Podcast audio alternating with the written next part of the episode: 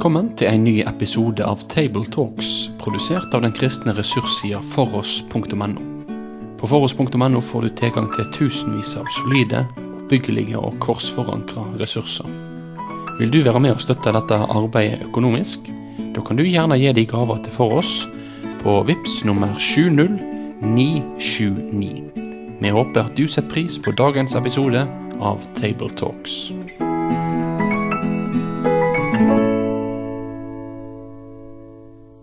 Da ønsker jeg hjertelig velkommen til Tabletalks med meg og Jorunn i dag. Og vi er altså på 19. søndag i treenighetstiden.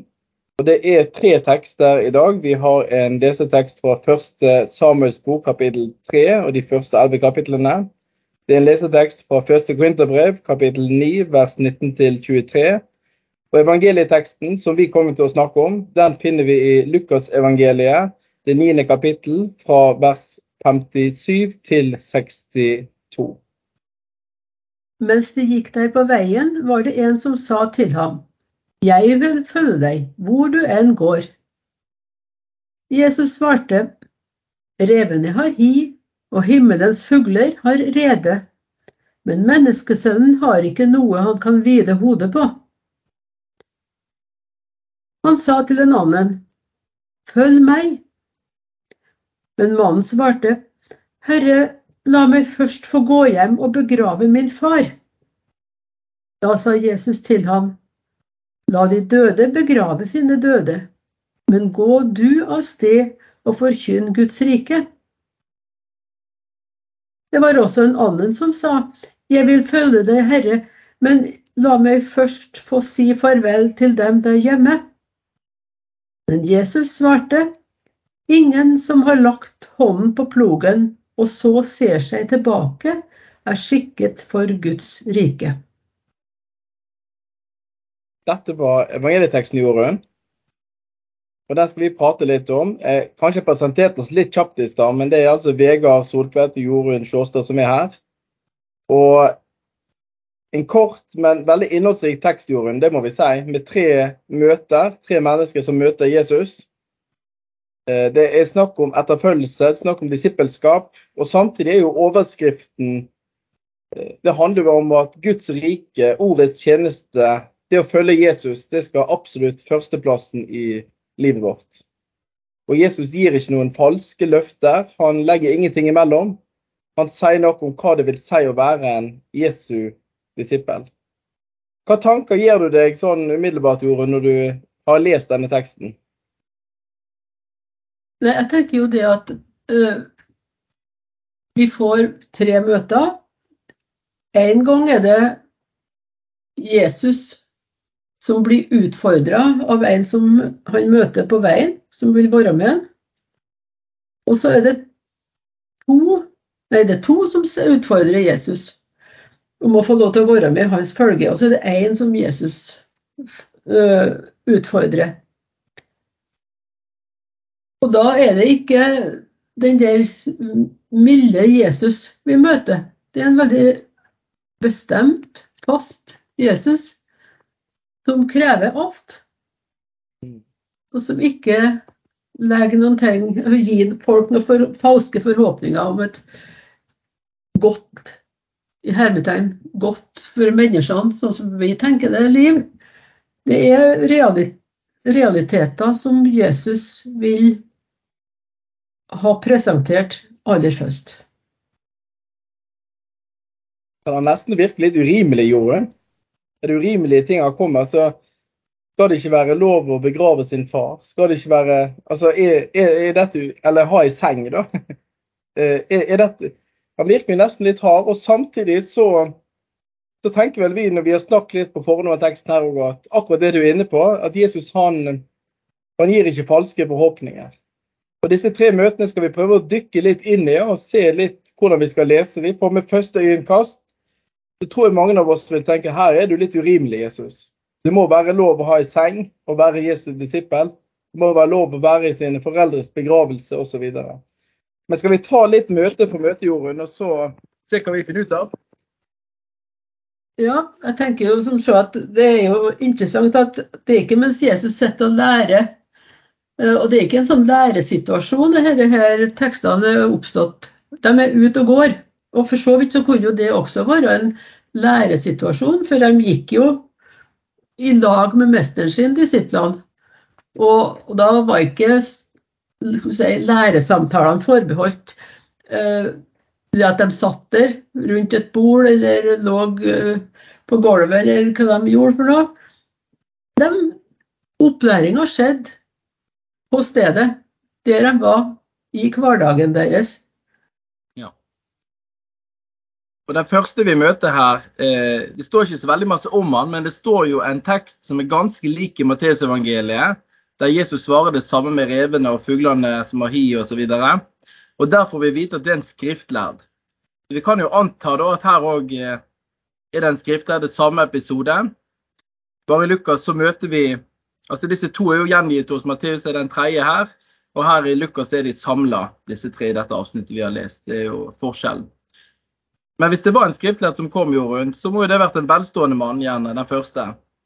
Og så kommer han og sier at han vil gjerne følge Jesus hvor enn han går. Så her er det jo en som vi kan virkelig tenke at en hengiven person. Og så setter Jesus han litt på prøve, og han, akkurat som han går litt inn i det han sier. Eh, kanskje han vil teste han, vil du virkelig følge meg hvor enn jeg går? Og så refererer han jo til dette at revene har hi, fuglene har rede, men menneskesønnen har ikke noe han kan hvile hodet på. Og så har jo Jesus det, han, han sover nok ute av og til, men han, jo også, han er jo på besøk hos folk, han har jo et eget hus. Men jeg tenker vel at det han refererer til her, det er at det å følge han, det er ikke noe løfte om et liv med menneskelig suksess, med rikdom i menneskelig forstand, der en kan bygge seg opp en formue. Her er det et helt annet type liv. Og så bruker han denne tittelen om seg sjøl, denne messianske tittelen fra Daniels bok, 'Menneskesønn'. Og på den måten så går han jo inn i et kjent stoff for den skriftlærde òg.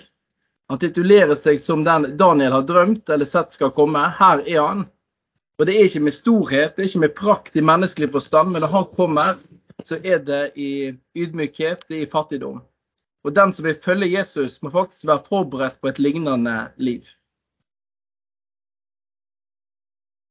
det som er litt interessant å tenke på òg, det, det er ikke Jesus som utfordrer denne mannen.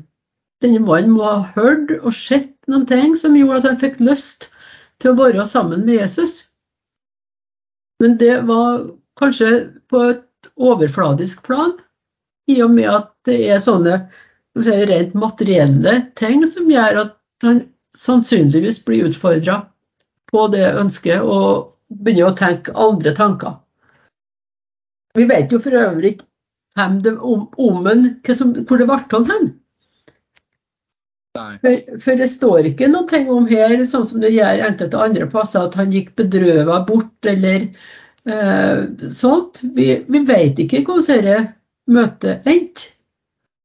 Nei, vi, det vet vi ikke, men vi vet Jesus svar. Og tenker mm. det, det skal legge oss på, på, hjertet at det er et liv med Jesus. Det å følge etter han, hvor enn han går. Det er ikke et løfte om suksess i denne verden eller i menneskelig forstand. Og det er jo en del teologi i dag som vil hevde det eh, rundt omkring. Men her mener Jesus er ganske tydelig. Her, det kan bli et liv i enkelhet, i fattigdom. Og det er jo mange eksempler på det gjennom historien med Guds folk. Den andre møtet her, Jorunn, det er jo en mann som kommer til Jesus. Eller nei, unnskyld. Det er jo en mann som, som Jesus sier 'følg meg'. Og så svarer denne mannen 'Herre, la meg først gå hjem og begrave min far'. Og så kommer det det som kanskje kan virke som et av de hardeste svarene Jesus sier i den teksten her. La de døde begrave sine døde, men gå du av sted og forkynn Guds rike. Eh, fikk ikke denne mannen lov til å gå i sin egen fars begravelse? Det er det første som kanskje slår oss. Og det kan virke ganske hardt og brutalt. Det må jo være lov å gå i begravelse til sin far, selv om man vil følge Jesus eller får en utfordring for han. Så er det noe jorden i, i, i, jødisk tradisjon, og, og sånn som en kan lese denne teksten, så betyr det ikke at faren var død. Det kan godt være faren levde. Og jødisk tradisjon så skulle en jo da Det var en jødisk plikt å begravlegge sin far, og hvis faren fortsatt var i live, så kan det virke som om denne sønnen sier at ja, jeg kan følge deg, Jesus, men ikke nå. for jeg har ikke fullført mine plikter her hjemme. Jeg har noe annet som er viktigere. Og Hvis en leser det på den måten, så blir det litt annerledes. Da blir det litt som Albert Aaberg, da, som eh, ja, skal gjøre det, men han har bare noe annet han skal gjøre først.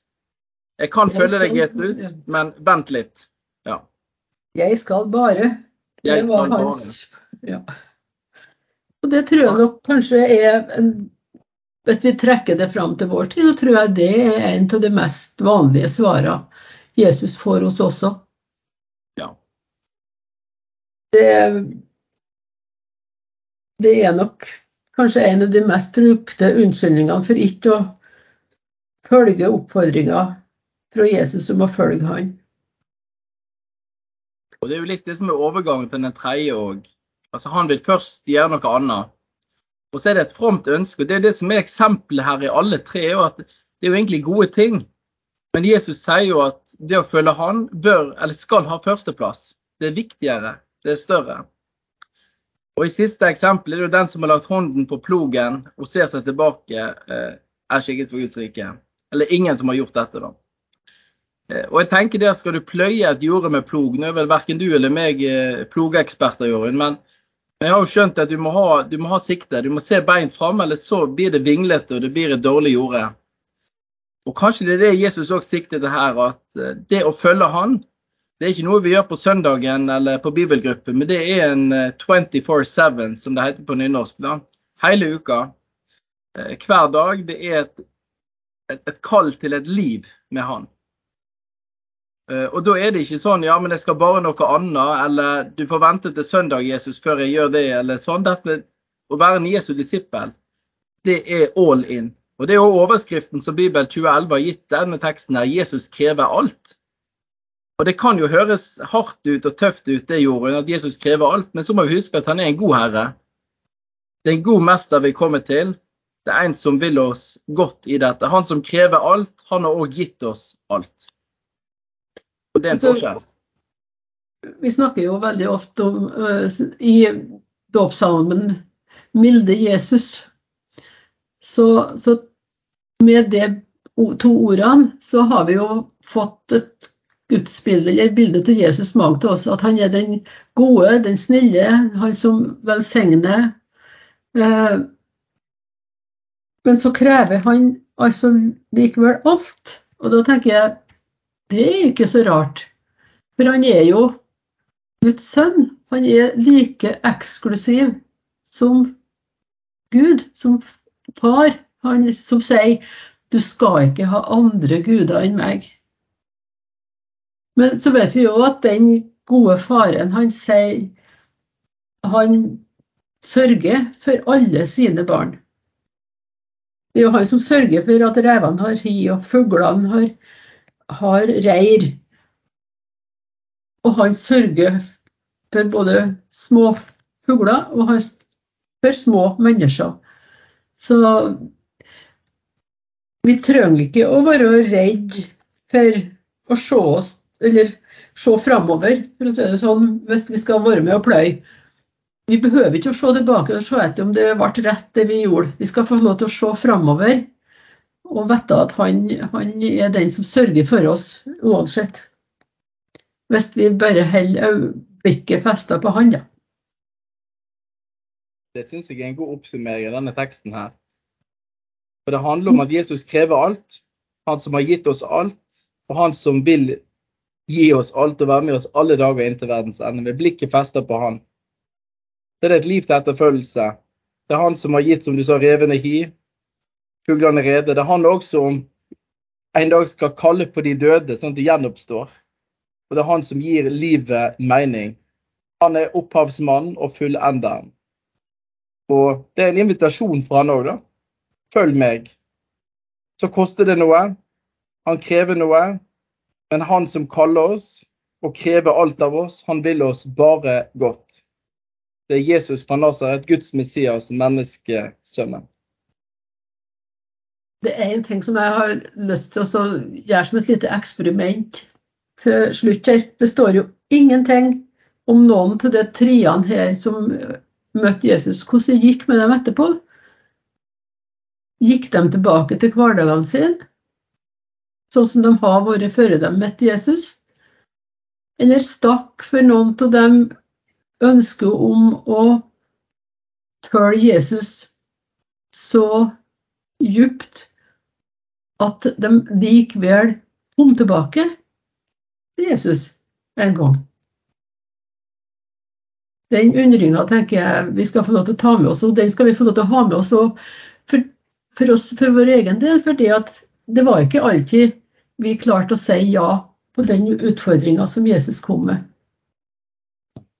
Og vi gikk litt vår egen vei. Men òg i det tilfellet så skal vi få lov til å komme tilbake. For Jesus han slutter ikke å rope og si 'følg meg'. Det gjør han hver eneste dag. Amen. Med det så tror jeg vi takker for nå, Jorunn. Og så ønsker vi alle som skal preike over den teksten her, lykke til og Guds fred.